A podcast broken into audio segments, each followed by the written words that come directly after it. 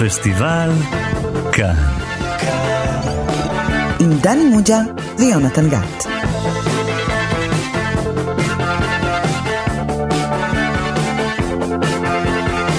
שלום לכם, אתם איתנו שוב בתוכנית הקולנוע הפלאית של תאגיד השידור הציבורי. אני יונתן גת, ומולי יושב המורה שלנו לקולנוע, דני מוג'ה. היי דני. שלום יונתן. דני, אני מרגיש שאנחנו הולכים לעסוק היום בסרט ייחודי ביותר, סרט שיהיה, אני חושב, קשה אה, להשמיע רמז הגיוני לגביו, כי אנחנו עלולים להסתבך.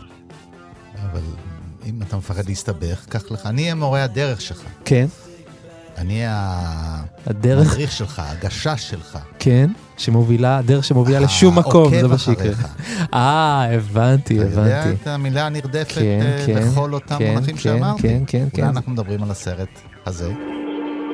Зона — это очень сложная система ловушек, что ли. Но стоит тут появиться людям, как все здесь приходит в движение.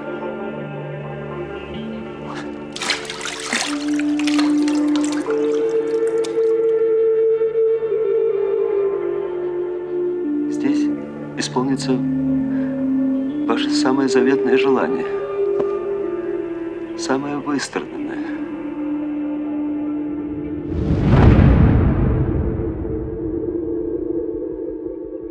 כן, שמענו קטע מתוך הסרט סטלקר משנת 1979, בבימויו של אנדרי טרקובסקי.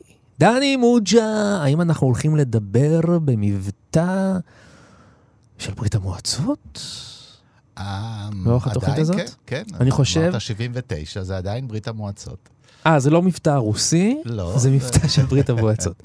אז רגע, דני מוג'ה, האם יכול להיות שזו פעם ראשונה בתוכנית שלנו, אחרי שנים שהתוכנית הזאת קוצרת שבחים ופרסים, אנחנו בצניעות, מדברים בפעם, בצניעות. בפעם הראשונה אנחנו הולכים לדבר על סרט מברית המועצות לשעבר. אתה הארכיבאי שלנו, אתה יודע. כנראה שכן, וחבל שכך. אבל נכון. טוב שאנחנו מתקנים את זה. ועוד איך אנחנו מתקנים עם סרט אה, גם שנחשב עם ליצירת סרט אה, אופן. מאוד מדובר, מאוד אה, חשוב, שנוי במחלוקת, אם אתה רוצה אה, להוסיף עוד תכונה חשובה, ושל במאי אה, שבעיני רבים הוא מגדולי הבמאים בכל הזמנים של אה, יצאו מברית המועצות. ומהבימאים שיצרו סרט, את הסרטים הארוכים ביותר של ברית המועצות. אבל עם הכי מעט שוטים, אם זה מנחם אותך. 163 דקות הסרט, כלומר שעתיים 43. תגיד, דני, אתה יכול לקחת את כל השעתיים 43 האלה ולתמצת אותם לשלוש דקות של תקציר? פחות? שתי דקות? האמת שיהיה אפילו קל יותר לדקה, כי Mm. התקציר של הסרט הזה הוא פשוט שבפשוטים. אז אני שם לך טיימר ומוסיקה, בבקשה.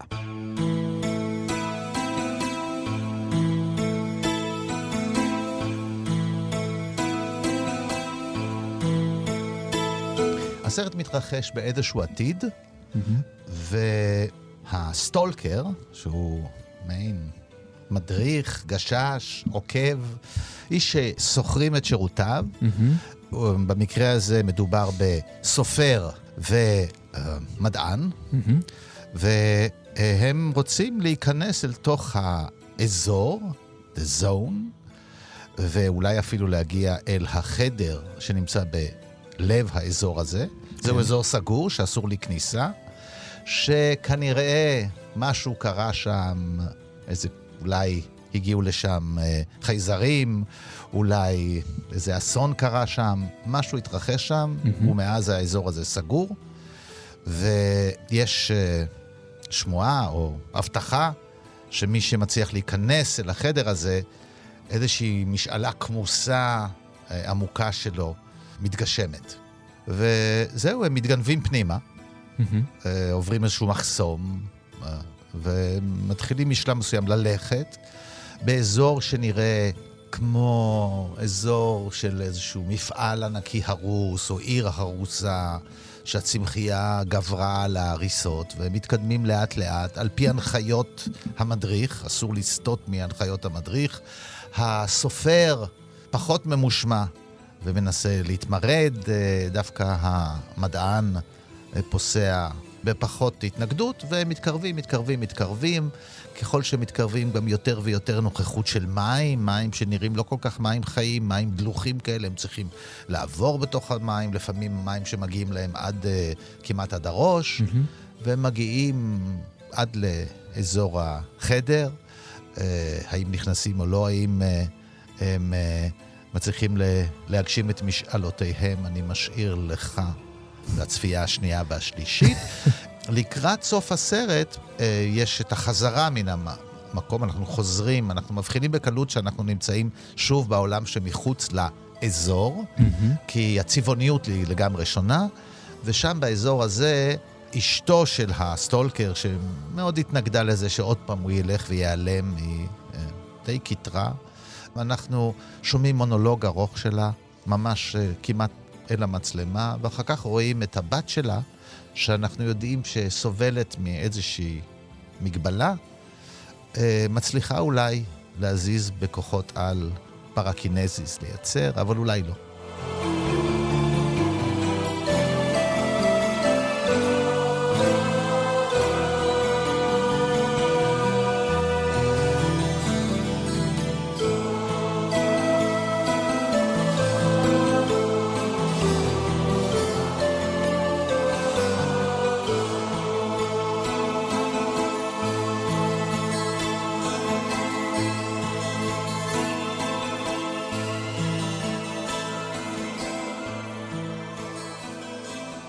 דני מוג'ה, אני מאוד מודה לך על הטלקינזיס שאיתו סיימנו את התקציר שלך. ואז מה, מה זאת אומרת כל הדבר הזה? מה שסיפרת עכשיו נשמע חסר היגיון לגמרי. תשמע, באמת כן. אולי זה חסר היגיון, כן. ואולי זה מאוד עמוק. אוקיי, אולי זה עמוק? עומק כזה שכל כך עמוק שקשה לראות את המשמעות, או כל כך עמוק ושאין שם משמעות. Mm. על זה יש מאמרים וטילי מאמרים וכולי וכולי. רגע, אתה רוצה להגיד לי שמשהו יכול להיות כל כך עמוק שאתה חופר וחופר וחופר ובסוף אתה מגלה שאין כלום? אה, לא, ויש אנשים שמוצאים שם עומק. כמו מי? האיש שיושב לשמאלי, שלום, מרת פרחומובסקי. שלום. מרת פרחומובסקי הוא גם במאי קולנוע, הוא גם במאי תיאטרון. אני מאוד מאוד ממליץ לעקוב אחרי היצירות שלו, במיוחד ההצגה "האם יש מקקים בישראל", שזה שחזור של ההצגה האחרונה של ניסים אלוני, שלא הספיק להעלות אותה על הבמה, ומרת עשה את זה בשבילו ועשה את זה מדהים. הוא גם אה, יזם ומקים את האתר לשימור מורשת הקולנוע הישראלי. כן, מאגר נקרא- עדויות של הקולנוע הישראלי, כן, שכולל בעצם עד היום אה, בסביבות 80 רעיונות ארוכים עם אה, חלוצי הקולנוע הישראלי. בקיצור, אנחנו חייבים הרבה למרת, התרבות הישראלית חייבת לו הרבה, ואני לא אומר את זה אה, בהגזמה. מרת, ספר לנו מה מצאת בסרט הזה. טלקר. אה, בואו נתחיל מזה ש... גם שאנדרי- צריך להגיד סטלקר, נכון? סטלקר, כן, כן. כן. Mhm. אה, אנדרי טרקובסקי הוא ללא ספק אחד הבמאים הגדולים אה, ב- ב- בתולדות הקולנוע. הייחודיות שלו, אני חושב שקודם כל ומעל הכל, היא בטוטליות שלו. ובעובדה, באופן שהוא מתייחס לקולנוע בעצם כמעין אה, דת, או בעצם כפעולה של יצירה אומנותית, כפעולה רוחנית. מעניין. כ- מה זאת אומרת? תסביר. יש אפילו ב- ב- בסרט עצמו, באיזשהו שלב הסופר אומר איזשהו משפט, כן, שאני זוכר שכשראיתי את זה פעם ראשונה מאוד נחרט בזיכרוני, שהוא אומר, האנושות קיימת כדי ליצור אומנות, כן, וכשחושבים על זה לעומק זה, זה, זה באמת דבר מדהים, שהוא בעצם אומר, בעצם האנושות, המטרה המרכזית שלה בחיים זה היצירה האומנותית, זה קצת אה, כמו של ניטשה, קצת. כן. מה היצירה- שנשאר זה האומנות. היופי. זה, זה, זה מעבר לזה, זאת אומרת, בעצם כל מה שמתקיים, כאילו כל מה שאנחנו רואים סביבנו, כן? זאת אומרת, אנשים בעצם אה, ש, ש, ש, שמתקנים את הכבישים ושבעצם אה, מגישים ב, ב, במסעדות אה, ועושים אה, הייטק, כן? זאת אומרת, הכל מתקיים בשביל ליצור בעצם את התשתית שעל פניה האנושות יוצרת את יצירות האומנות. זאת בעצם תכלית הקיום של האנושות בעולם, ויצירת אומנות, למה זה כל כך חשוב? כי יצ- יצירת אומנות זה בעצם מהות רוחנית. זאת אומרת, למה? ובסרט זה בעצם נאמר, והסרט עוסק בזה חלק מזה, חלק ממנו, זה שבעצם כי האומנות היא בעצם מה שנקרא אה, לשמה. כן, זאת אומרת אין לה תכלית חומרית, כן, mm-hmm. אנשים שיוצרים אומנות הם עושים את זה כאיזה משהו שהוא שווה ערך לעבודת אלוהים, כן? הם, הם יוצרים את זה כי הם חייבים ליצור את זה, ועל ידי היצירה הזאת הם בעצם נותנים את תכלית הקיום לאנושות כולה. וזה טרקובסקי מאמין, הוא מאמין בזה באופן עמוק, את כל החיים שלו בעצם מקדיש לאומנות באופן הזה, הוא מתייחס לעצמו כמעין עובד קודש, ומי שקצת קורא בדברים שהוא כתב, בין השאר הספר היפה מאוד שתורגם לעברית אה, לפסל בזמן, אני חושב שהיה השם בתרגום, שם בעצם אפשר לראות את כל התיאוריה שלו, את כל התפיסה שלו לגבי זה. והסרט הזה, אני חושב שסטלקר במידה רבה הוא הסרט שבו הוא מביע באופן לדעתי הכי מזוקק והכי מדויק את התפיסה הזאת שלו. סטלקר עצמו, זאת אומרת בעצם הדמות הזאת של, אה, של הגיבור, אה, הוא בעצם מעין אה, ספק נביא, ספק אומן. כן? Mm-hmm. כי מה הוא בעצם עושה? כן? זאת אומרת, יש את uh, יצירת האומנות הזאת, כן? זאת אומרת, או יותר נכון, uh, בעצם המהות הזאת, כן? את מה שמסתתר מאחורי יצירת האומנות. Uh, המקום הזה שאליו מגיעים וחווים איזושהי התעלות רוחנית, איזושהי נגיעה בנצחי, בקדוש. והוא בעצם לוקח אנשים מהשורה שהוא חושב שהם ראויים והם יכולים להבין, הוא מוביל אותם למסע כדי לגלות את משמעות החיים, כן? זאת אומרת, כדי לגעת בתכלית הזאת. ומה קורה לו? מה שקרה לטרקובסקי שוב ושוב ושוב, שלא מבינים אותו. הוא מבין לאט לאט שאף אחד לא מבין אותו ואף אחד לא צריך את זה, והוא מסיים את המסע הארוך הזה במפח נפש, כן? Mm-hmm. שהוא מסיים אותו חולה. כן, שהוא מתפתל במיטה ואומר אף אחד לא צריך את זה, אפילו האנשים האלה שאני חשבתי, כן, זאת אומרת המדען והסופר, שאומרים להיות אנשים אינטליגנטים, כן, אנשים שבעצם מבינים אה, מה, מה הדברים הנכונים בחיים, והוא אומר, הם רוצים בעצם, הם איבדו את האיבר של האמונה. כן, ואני חושב שזה באמת אחד ממשפטי המפתח של הסרט. אה, הם בעצם, הם רוצים שישלמו להם על כל תנועה נפשית, כן, זה דברים מאוד חזקים ומאוד עמוקים, שבעצם מביעים, ושם אפשר לראות באמת את ההזדהות המוחלטת של טרקובסקי עם הדמות הזאת של סטלקר, הוא, הוא, הוא עצמו סטלקר, והוא עצמו בעצם מוביל את הקהל שלו שוב ושוב למסעות הרוחניים האלה, בעצם לגילוי של איזושהי אמת נצחית, לנגיעה באיזושהי אלוהות, כן, זה לאו דווקא אלוהות נוצר, נוצרית אגב אצל טרקובסקי, אבל בעצם של איזושהי משמעות הקיום, והוא שוב ושוב מרגיש לא מובן, והוא שוב ושוב מרגיש שאנשים איבדו את היכולת בעצם להבין באמת את מה שהוא רוצה להגיד להם, וזה בעיניי המשמעות המדויקת ביותר של המסע הייסורים הזה, כן, שנקרא סטלקר. солнце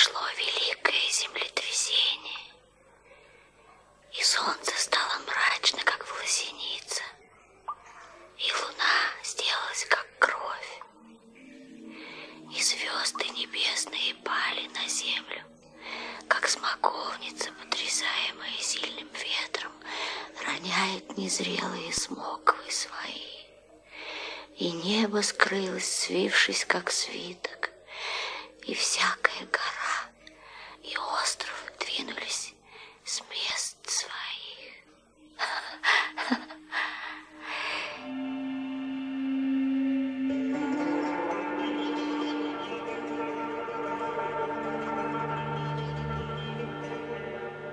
רואה, זה, זה ישנו. כל מה שנאמר, ישנו היה מרשים, בסרט. היה מרשים. ישנו בסרט, כן. ישנו בסרט, אבל הסרט רצוף, זה האניגמה הגדולה של הסרט הזה.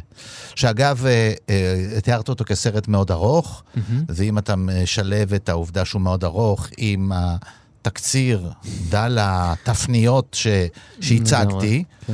אז אתה מבין שבניגוד לסרטי מדע, והסרט הזה יש בו אלמנט של מדע בדיון, בדיוני, כן? ברור. מפגש עם כוחות לא מוסברים, אה, עליונים שהגיעו מהיכן שהוא, אבל אין בו תפניות עלילתיות, אין בו אקשן.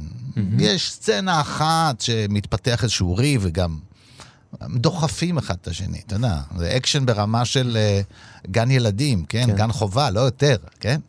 אין מרדפים, אין... אה, ולאורך ה- המסע הזה, שככל שאתה צופה בו יותר פעמים, אגב, הסרט הולך ומתקצר. הסרט הולך והופך להיות, כביכול צריך להיות יותר קשה. ראיתי את זה כבר, ראיתי את זה כבר, ראיתי את זה כבר. נכון, לא, אתה צודק. זה הולך ונהיה קל. נכון. הסרט קשה לצפייה. כי אתה, יש לנו הרגלים, אנחנו לא הרגלים לראות סרט כזה. אני זוכר שפעם ראשונה, זה היה לי קשה, היה אתה יודע קשה. למה הסרט מתקצר? כי אתה, השרירים שלך, שרירי ההבנה שלך מת, מתאמנים. וגם הציפ... אתה נהיה קצת יותר, אתה מכיל לא, יותר. וגם הציפייה הזאת, שעכשיו יקרה משהו, אתה יודע שלא יקרה, אז, נכון. אתה, אז, אז זה מושהה, ברגע שזה לא מושהה, אתה יכול להסתכל ולהקשיב. נכון. והסרט הזה, יש בו חלקים גדולים שיש רק מה להסתכל. אתה יודע, כי- זה כמו להסתכל בטבע, במידה מסוימת. כן, כן, אבל גם על זה נאמר, מדוע עשר דקות של נוף וסרט יכולות לשעמם ועשר דקות אה, התבוננות נו, בגלים נו, למה? בים? תסביר, תסביר. כי הידיעה שאני יכול להסיט את הראש שלי ימינה ושמאלה בים, מקלה על. על ה באולם הקולנוע, אני לא יכול להסיט את הראש שלי ימינה ושמאלה. מישהו כבר קבע לאן אני מסתכל. זה... אני לא אשכח שישבתי באחד הסרטים של וים ונדרס, הסרטים המוקדמים, שהוא בעצם מצלם כביש לאורך, אה, אני חושב, משהו כמו 35 דקות, כן, אתה יודע, והקהל, אה, אני חושב שנשארתי עם עוד שני אנשים באולם של 250 איש, כן. לקיארוסטמי יש אה, סרט אה, שעשו, איזה חמישה סרטים קצרים שמוקדשים לאוזו. עוד, במאי שלו רץ מהר מדי, ויש שם התבוננות על גלים וקפיץ עץ שהולך ומסתכל, הולך ומסתכל, קדימה ואחורה, וקדימה ואחורה. בפעם החמישית, כן. כשאתה מסתכל על זה בפעם החמישית, אתה מתחיל להיות במתח, מה יקרה לקפיץ? אה, אני זוכר מה קרה לו, זה נהיה צבי אחרת. וגם אנדי לחזור. וורול שמצלם תשע שעות שינה. אבל אני חושב שמסיבות אחרות. נכון. המסיבות אחרות, זה, זה סוג, שם אין התבוננות, כי אין אה, שינויים, נכון. אין... זה אה, כאילו לכידת הזמן האותנטי.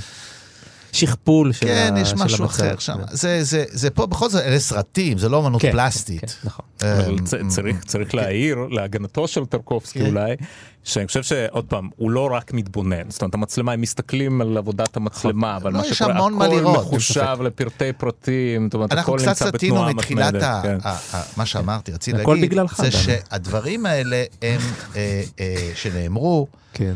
אני רוצה לשאול את מרת, העניין של הסתירות הפנימיות שיש אה, אה, לא פעם בסרט הזה, ורבים הצביעו בהם, יש רואים בזה אושר, ויש שרואים בזה איזשהו פגם אה, פילוסופי, רעיוני. על הרעיון הזה של אה, האכזבה של הסטולקר מהשני ה... אלו, אליטה, נושאים, כן, ב- נבחרו בפינצטה, נכון? מדען וסופר, אומן, כאילו, איתם אני אצליח כנראה. כן. והוא מספר סיפור על אה, סטולקר קודם, שבדרכו לשם איבד את אה, אחיו, אחיו עבד, אבל הוא הצליח בכל זאת להיכנס ל... אה, לחדר, וזכה באושר רב. ומכאן גם שכנראה זאת הייתה משאלת, ה- המשאלה הגדולה שלו. אבל מעט מאוד זמן אחרי שהוא זכה בכל האושר הזה, הוא התאבד. ומי שמבין ומסביר בעצם לצופים גם, זה שיש איזו בעיה עם הרצון הזה להגשים את המשאלה הזאת, כי אתה, אדם לא יודע מהי המשאלה שלו. אדם לא, הנה, הנה דוגמה של מישהו ש... כנראה זאת לא הייתה המשאלה שלו, בעצם היה רוצה יותר שבן המשפחה שלו יישאר בחיים מאשר להיות עשיר. זאת אומרת שיש איזו בעיה בעצם ה... ובאמת שני ה... שתי הדמויות האלה, האינטליגנטיות ועם מלאות תובנות על, אה, על העולם ועל החיים של עצמם, לא נראה שהם ממש אה, דוחפים להגיע, יש להם רתיעה מלהגיע למקום עצמו. אחד מן השניים אפילו היה רוצה אולי להשמיד את המקום עצמו, כן? והוא מג- מגיע למסקנה שאולי לא כדאי להשמיד אותו. הוא נושא איתו משהו, אה, איזושהי פצצה גרעינית או משהו כזה, רבת עוצמה, ו... ו... אבל ההבנה הזאת, אה, היא, היא, הם כן בעלי תובנה. זה, זה שהסטולקר מאוכזב מהם, אולי דווקא האמת והחוכמה לא נמצאת אצלו, אלא דווקא אצל, ה...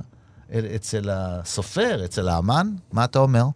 אני חושב שמה שבסופו של דבר קורה, שהם חוששים בעצם להיכנס לתוך החדר, ככל שהם מבינים את העוצמה של מה שהחדר עושה. כי ברגע שהם מבינים שהם לא יקבלו את מה שהם חושבים שהם רוצים, אלא את מה שהם באמת רוצים, אני חושב שיש פחד מאוד גדול בלגעת בדבר הזה, בעצם כי זה סוג של דע את עצמך כזה. זאת אומרת, כשאתה נכנס לחדר, אתה מקבל ואתה מקבל את מה שאתה באמת רוצה, אז אתה מגלה מי אתה באמת. כי זה, זה בעצם הייתה הבעיה של הדורבן, שהוא חשב שהוא מי יודע מה, כן? שהוא חשב שהוא איש קדוש, ובעצם מה שהוא קיבל זה הרבה כסף. מה, ש, מה שהוא אומר שם, שהוא בח, שיכול, מה שהסופר מעלה כאפשרות. כן, שהבן אדם יכול להיות שהוא בכה וזכה על הברכיים וביקש שהאח שלו יחזור לחיים, אבל מה שהוא קיבל זה הרבה כסף, כן, וזאת הטרגדיה, כן, ולכן סטלקר שלנו, כן, הגיבור של הסרט, הוא לא נכנס לחדר אף פעם, כן, הוא רק מוביל אנשים אחרים, בזה הם גם מפנים לו את זה כטענה, למה אתה לא נכנס? זאת אומרת, גם הוא מפחד בעצם.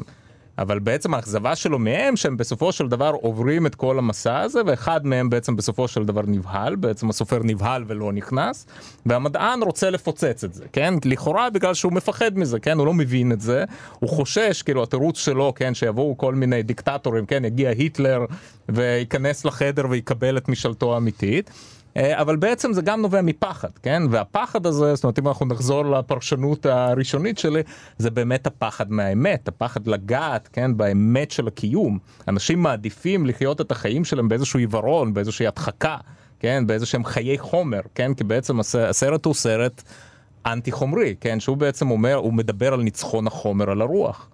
גם המדען וגם הסופר הם מכורים לחומר, כן? זאת אומרת, גם הסופר הוא בעצם, הוא היה פעם איש רוח, הוא כל הזמן מדבר על מה שהיה, אבל הוא בעצם גילה על ניסיונו המר, כן? שאין אין מה לעשות, הוא התאכזב, כן? הוא התאכזב מהיכולת של האומנות באמת לעשות את הדברים האלה. וזאת האכזבה, שגם האנשים האלה שאמורים להיות אנשי הרוח, הם פוחדים בסוף להיכנס לחדר ולהתמודד עם עצמם, להתמודד עם האמת, עם משמעות החיים.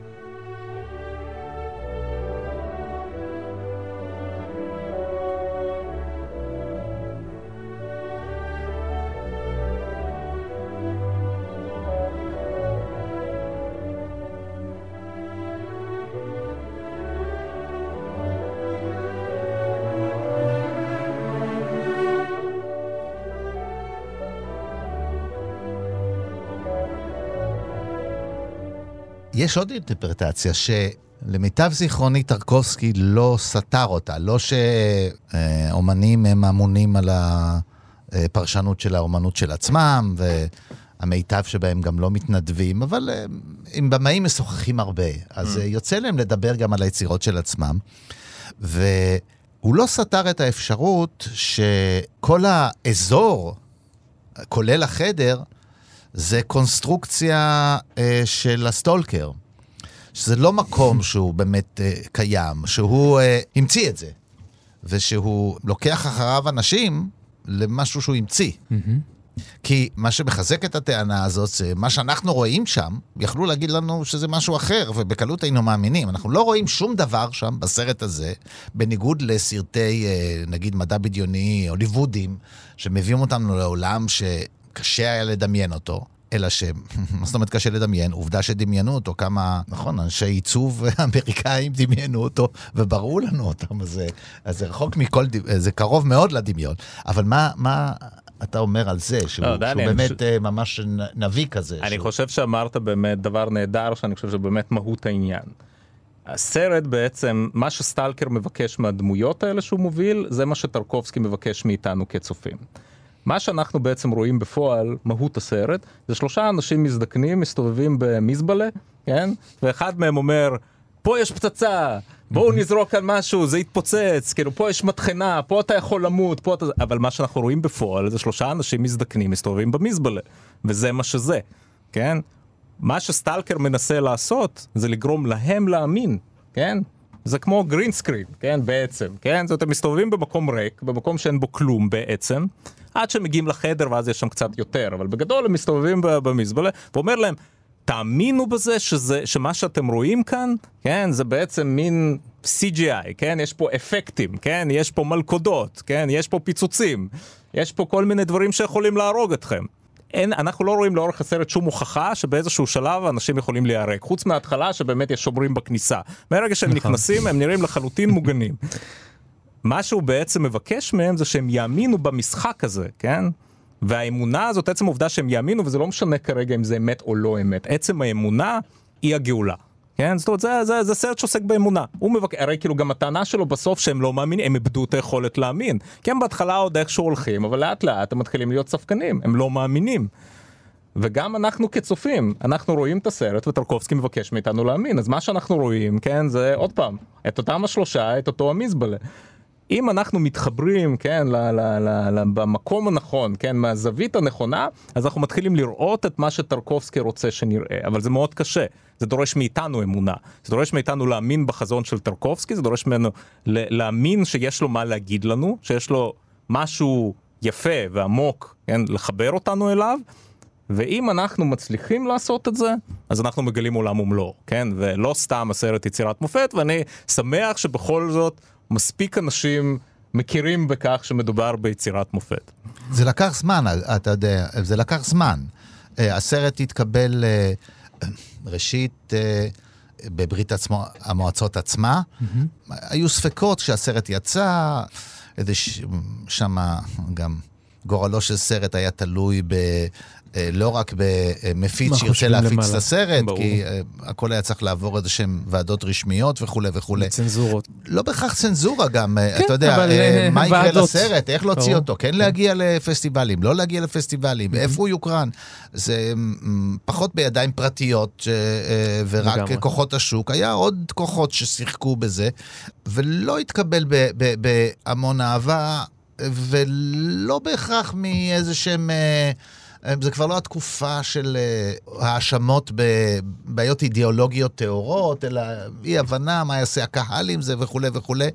ובסופו של דבר הסרט יצא ואפילו די הצליח בברית המועצות, אבל mm-hmm. התקבל בספקנות מסוימת בקרב הביקורת, גם הפנימית וגם החיצונית, ואחר כך קנה יותר ויותר מאמינים בחשיבותו של הסרט ובכוחו של הסרט, וזה הפך למין אה, אפילו גל פופולרי כזה של, אה, אתה רואה איך הוא עולה ועולה ברשימות הסרטים החשובים ביותר, ובסרטות הסרטים הטובים ביותר, ב- בוודאי של מדע בדיוני. אה, למשל, אחד הדברים שאני מאוד אוהב, אתה יודע, אני חובב יותר ראייה כזאת גם אה, מה קורה במקביל, כן? אה, מי היה בארץ ישראל בימי זרטוסטרה? אז תחשוב על הסרט הזה, שהוא סרט שיוצא במקביל, פחות או יותר, כן? עם בלייד ראנר.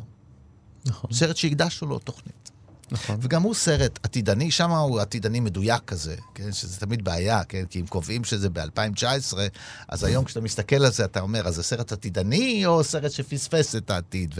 וכשאתה אומר, זה בעוד שנה או בעוד איזשהו זמן, אם אתה משווה בהם, וכמה, למשל, הקולנוע האמריקאי זקוק כדי לעסוק בשאלות פילוסופיות שנובעות מזה שפגשת יצורים אה, אה, מחלל חיצון, או שבראת דמויות ואתה לא יודע איך להסתדר איתם, הרי אלה ש- שני הנרטיבים שיש במדע בדיוני בכלל, וכמה פעלתנות וכמה אלימות גרפית האמריקאים זקוקים כדי שזה יהיה...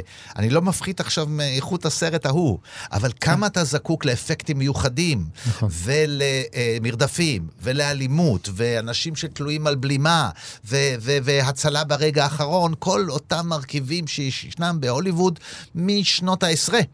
כן, לא השתנה מבחינה זאת כלום. כדי רק בסופו של דבר להביא אותך להרהור פילוסופי.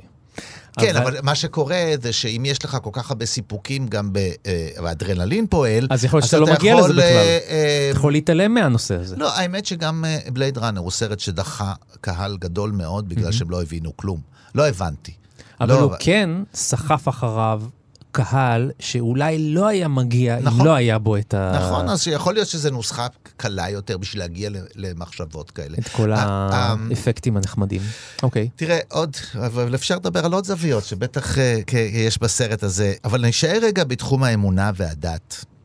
אה, הסרט רווי, רווי אה, בציטוטים ואזכורים מן הנצרות.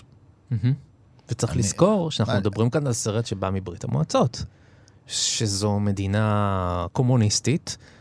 כן, אבל, אה, אבל, אבל אה, אתה יודע, טרקובסקי בכלל הרשה לעצמו לגעת אה, בעניינים של דת בביקורתיות וב... לא, אני אומר לכ- ובערעורים. להפך, אולי בזכות. ואנחנו מדברים, דני, על מדינה, בסופו של דבר ברית המועצות, אנחנו מדברים על מדינה שהדת השולטת בה זה אתאיזם. נכון. כן. תראה, אבל הוא, הוא, הסרט רווי, ב, ב, למ, אני יכול להזכיר שלושה, כן? באיזשהו שלב, אה, הסופר אה, עוטה על ראשו את אה, זר הקוצים, כן. כן? הזר הקוצים הישועי, אז אה, אתה יודע, אתה רואה את זה, הוא עושה את זה ביוזמתו, אולי באירוניה מבחינתו, אבל הדימוי ישנו שם. יש כלב, שהוא uh, כלב השמירה הישועי הזה שישנו שם, ובשלב מסוים יש ממש מצטטים, כן? מהברית החדשה, מהספר האחרון, ספר ההתגלות, כן? ממש מצטטים, הלכו שניים וכולי. זאת אומרת, יש אזכור של uh, דת קיימת, מוכרת uh, במדינה שהפנתה עורף לדת הזאת, אז מה המעמד שלה? זה. זאת האמונה, זאת הדאטה שיש לדחות, ויש אמונ... דת אחרת שהוא מציע? זה... איך, איך אתה רואה את זה? אני, אני חושב ששוב, הוא מדבר על איזשהו, על המישור הרוחני, שהוא בסופו של דבר, הוא, הוא מתעלה על דת ספציפית, כן? זאת אומרת, הוא לא, הוא, הוא, אני חושב שכאילו, כשגם, כשמתעמקים ברעיונות שלו, גם בספרים, אני חושב שהוא מאוד קרוב. אני, אני בזמנו עשיתי, כתבתי סמינר באוניברסיטה, כן? על ההגבלה בין... אה, באמת ההגות של טרקובסקי בעצם לרעיונות של קבלה ושל בודהיזם, כן? זאת אומרת זה באמת איזשהו סוג של תפיסה ש, מה, של מה רוחנית. בבודהיזם? באמת על, על דרך האדם, כן? זאת העובדה שאצל טרקובסקי באמת דרך של אדם, כאילו כשמסתכלים על הדמויות שלו כמעט בכל הסרטים, אה, כולל בסטלקר במידה מסוימת, זה באמת, אה, בסולארי זה מאוד נכון, באנדרי רובלוב זה מאוד נכון, בקורבן זה מאוד נכון, זה בעצם אנשים שמתחילים מאיזשהו סוג של ציניות, mm-hmm. באיזשהו סוג של הם לא מאמינים. ולאט לאט הם, הם בעצם בדרך כלל הם פוגשים איזושהי דמות של מדריך מעין סטלקר כזה כן? אבל כאילו בכל סרט יש איזשהו מישהו אחר. דרכו הם בעצם לומדים להאמין ובדרך כלל על, על, על ההבנה שלהם כן? זאת אומרת על גילוי האמונה הם גם צריכים להקריב קורבן. mm-hmm. אבל כן באמת הסרט האחרון שלו קוראים לו הקורבן כי זה מה שבעצם הגיבור שם עושה כן? זאת אומרת הוא בעצם מוותר על הדיבור. כן, ועל כל הרכוש שלו בשביל לזכות להתגלות האלוהית כן, הזאת. זה לחלוטין בודהיסטי. אז זה באמת... אני שחרר, כן. שחרר את העוגייה בצנצנת. אז, אז, אז, אז לגמרי, אז טרקובסקי הוא מאוד מאוד מאוד שם, ואני חושב שהמסעות שלו, בעצם הסרטים שלו, אני חושב שבאופן גורף הם מסעות רוחניים. כשמבחינתו באמת הדת, כן, או הפן הרוחני, והאומנות הם היינו הך, כן, וזה מה שצריך להבין את טרקובסקי, זה באמת אה, אה, דת האומנות, אפשר להגיד, זה מה שהוא חי, כאילו פחות נצרות. או בודהיזם, אלא באמת אה, האומנות ש, ש, שבעצם לוכדת בתוך המסגרת הזאת את כל הקיום הרוחני הזה, וטרקובסקי בגלל העובדה הזו, בגלל הטוטליות שלו גם מאוד מאוד סבל, עוד פעם בגלל התפיסות שלו, במשך, אה, בשנות ה-70 הוא, הוא הצליח לעשות רק שני סרטים, את המראה ב-75 שלא הופץ כמעט בברית המועצות, שהופץ בהפצה מאוד מצומצמת ולא הרשו לו להוציא את הסרט לחו"ל בכלל, ואז סטלקר שהיה אגב, כן, אם אנחנו קצת נלך לסיפור שמאחורי הסרט, זה היה מסע איסורים מאוד גדול, זאת אומרת הוא צילם אותו ב-77 פעם ראשונה, ואז ככל הנראה היה אצלם איזשהו מסתורין, כן, שהחומרים לא יצאו כמו שהוא, כמו שהוא חשב, היה שם פגם בחומרים, והוא פיטר את הצלם ובא ובעצם צילם את הסרט עוד פעם, וככל הנראה בזמן שהם צילמו את הסרט, בגלל שבמקום הזה היה, היו חומרים רדיואקטיביים, חלק ניכר מהצוות אחר כך חלה בסרטן, כולל mm-hmm. טרקובסקי שחלה ומת, כולל אנטולי סולוניצן, מי שמשחק את הסופר שחלה ומת, כולל אשתו של טרקובסקי, כולל הצלם הראשון, ררבג, זאת אומרת, זה בעצם... הטוטליות הזאת, כן? זאת אומרת, של היצירה בייסורים, כן? זאת אומרת, mm-hmm. הייסורים של ממש, כן? שהוא עשה את הסרט פעמיים ומת כאילו בדרך. זאת אומרת, הדרך של טרקובסקי בעצם דומה מאוד לדרך של הגיבורים שלו, שהוא בעצם שילם מחיר על ההתגלות הזאת, על הזכות שהייתה לו בעצם לגעת באמת האומנותית הזאת. באמת זה מהסרטים האלה שהסיפור הפקת הסרט מלווה את הסרט ומשתלב היטב. אה, הסרטים המקוללים, הסרטים האלה שהם, גם אתה יכול לחשוב על אה, אפוקליפסה עכשיו. תחשוב על השם, ומה קרה... שיצא באותה שנה, אגב. כן. כן. ומה קרה בסט, על הסט, כן. וכמה זה היה קשה. דיברנו על זה בתוכנית שלנו, כן, וכמה זה היה קשה, וכמה ההפקה הזאת הייתה קשה. ואז גם דברים טריוויאליים, אגב, שאחת הסיבות שכנראה, לא ברור, אתה יודע, זה לא הסרט הראשון שצילמו אותו, וכשחזרו, אה, פתאום חומר הגלם לא היה שווה. כנראה, אחת הגרסאות זה שפשוט המעבדות לא היו אה, מעודכנות בחומרי הגלם החדשים של קודק. נדמה לי שהסרט צולם בקודק, ואז הם פשוט, אה, אה, פשוט קלקלו את כל מה שצולם דווקא בצורה... אבל באמת הצלם אה, של הצלם ששרד, הוא, הוא באמת דאג ממש להסביר שכל אלה הם קורבנות של הסרט עצמו, כן? שהסרט נדמה לי צולם ליד... באסטוניה, אם אינני טועה, ליד איזשהו אה, תחנת כוח, כן? וש... שאגב, בסוף סוף הסרט, בחלק שהוא מחוץ לזון, בחלק הבטוח כביכול, שבו אמנם אתה חי חיים אה, אה, בלי אמונה ובלי להגיע לאיזושהי הערה, אבל יש בהם יחסית איזשהו ביטחון, כן? את, כן. אז אה, רואים ברקע תחנת כוח. אז אולי כל הדבר הזה הוא איזה היפוך. תראה, זה, זה, מבחינה זאת, זה הסיפור שמאחורי הסרט, כן? הוא מה, מהסרטים האלה שזה נטמע בתוך הסרט. ведь ничего не осталось у людей на земле больше. Это ведь единственное, единственное место, куда можно прийти, если надеяться больше не на что. ушли. Зачем же уничтожаете веру? Да 是。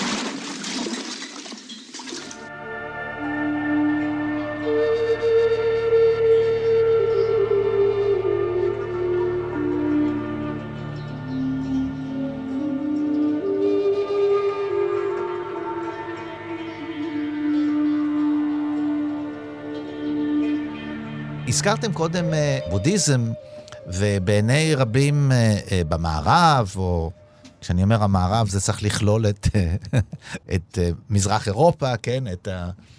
אצל רבים הוא נתפס יותר כסוג של מחשבה רוחנית, ולא כדת, במובן הזה, אני לא צריך להמיר את הדת שלי, אני לא צריך להפוך לאדם דתי, אבל אני יכול לראות את הפילוסופיה הזאת ולזכות באמצעות המחשבה, כן?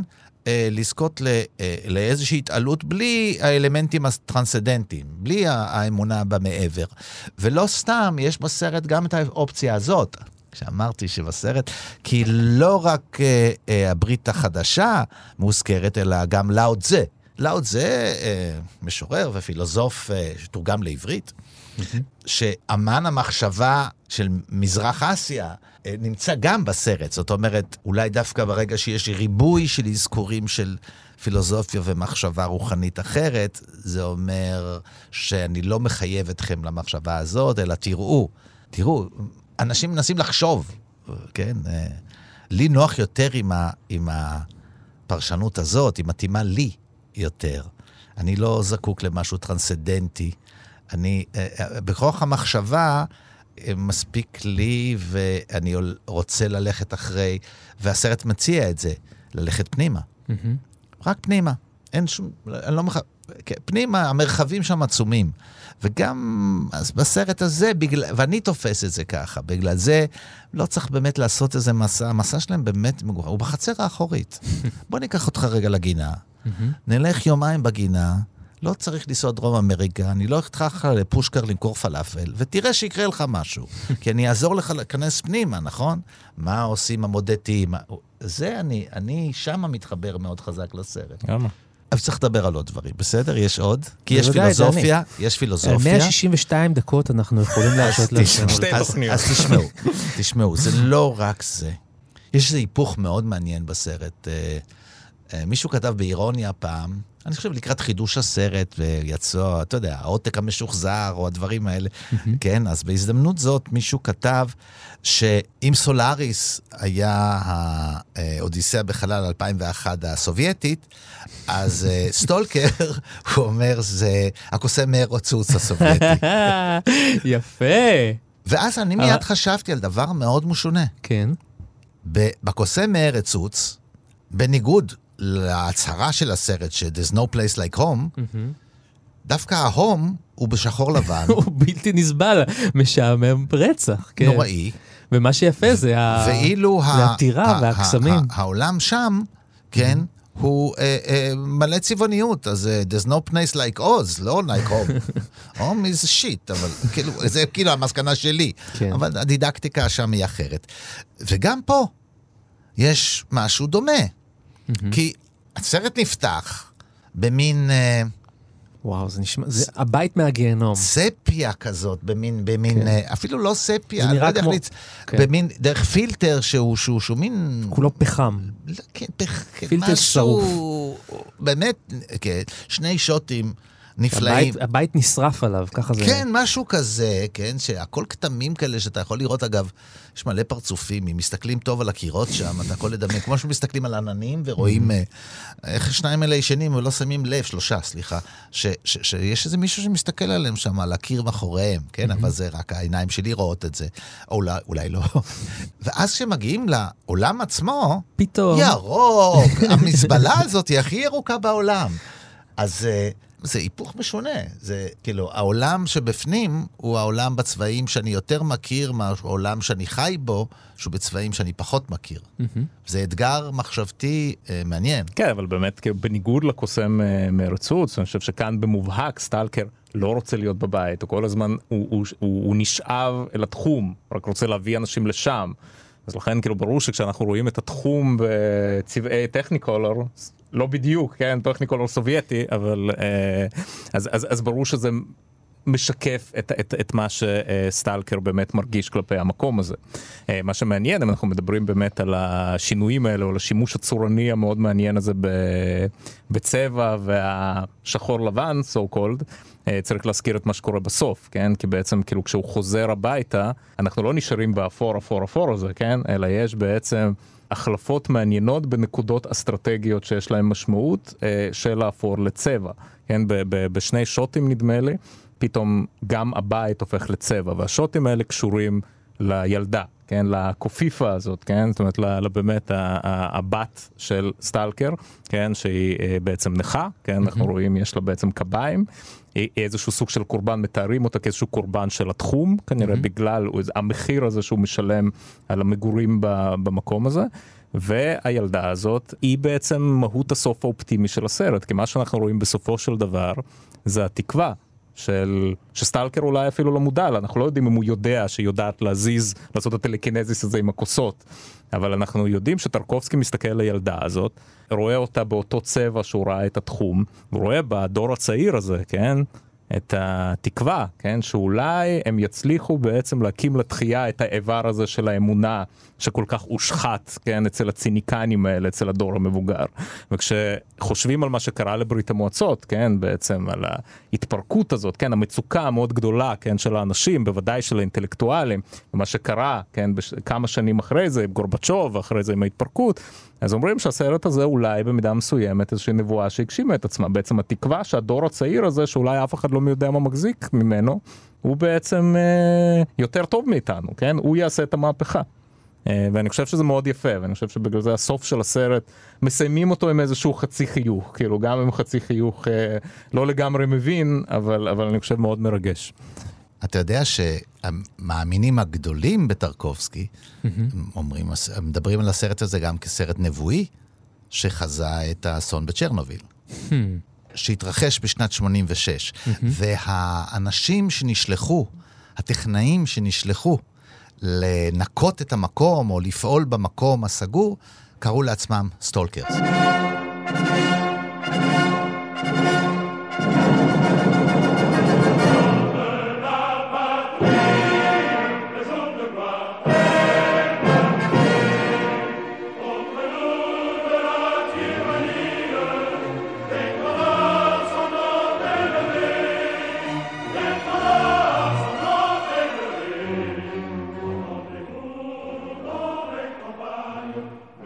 סיימנו, אבל זה לא הסוף. כי לפסטיבל כאן יש עוד הרבה מאוד תוכניות שהקלטנו ושידרנו עד היום, וכולן נמצאות באפליקציה שלנו שקוראים לה פשוט כאן, או בכל אפליקציית פודקאסטים שאתם מעדיפים, נכנסים לאזור של פסטיבל כאן, וכל התוכניות יחכו לכם שם.